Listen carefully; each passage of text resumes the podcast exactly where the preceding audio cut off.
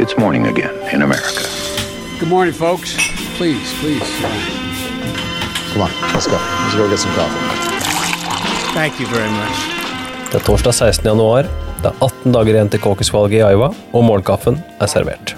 Dagens hovedsak er at riksrettssaken nå beveger seg videre til Senatet. Vært inne på dette tidligere, men speaker Nancy Pelosi har nå utnevnt sju såkalte impeachment managers til den kommende riksrettssaken i Senatet.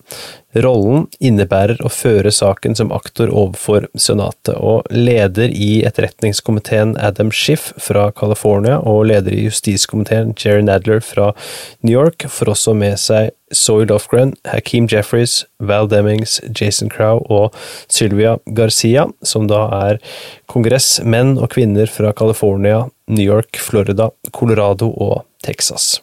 Vi skal her høre litt hva Nancy Pelosi sa i går.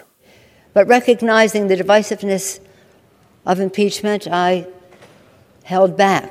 Frankly, I said this president isn't worth it. But when he acted the way he did in relationship to withholding funds from Ukraine in return for a benefit to him that was pers- personal and political, he crossed a threshold. He gave us no choice.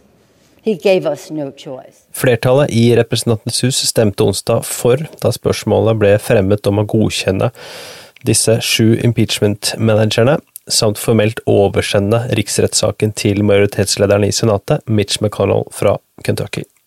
Trump er altså tiltalt på to punkter, abuse of power og obstruction of Congress. Det at riksrettssaken nå står fritt til å starte i Senatet, betyr at Chief Justice John Roberts kan begynne å ta samtlige 100 senatorer i ed tidligst på mandag. And yet I come here tonight with a heart filled with hope. And it's filled with hope because I see this as our moment in history. Our moment no. Dagens andre sak. Warren har da fått økt støtte etter tirsdagens TV-debatt. Det er ifølge 538 og Ipsos sitt eh, panel, eh, og det er da ikke Bernie Sanders som kan vise til størst framgang i dette panelet, selv om vi eh, på amerikanskpolitikk.no vel var enige om at han hadde hatt den beste debattopptreden slik vi så den, men vi var også inne på at dette denne, dette øyeblikket mellom Warren og Bernie kunne blitt tolket litt ulikt av, av de som så. Men uh, Warren går uansett fram fra 36,8 til 40,2% i prosentandelen av velgere i dette panelet som vurderer å stemme på henne.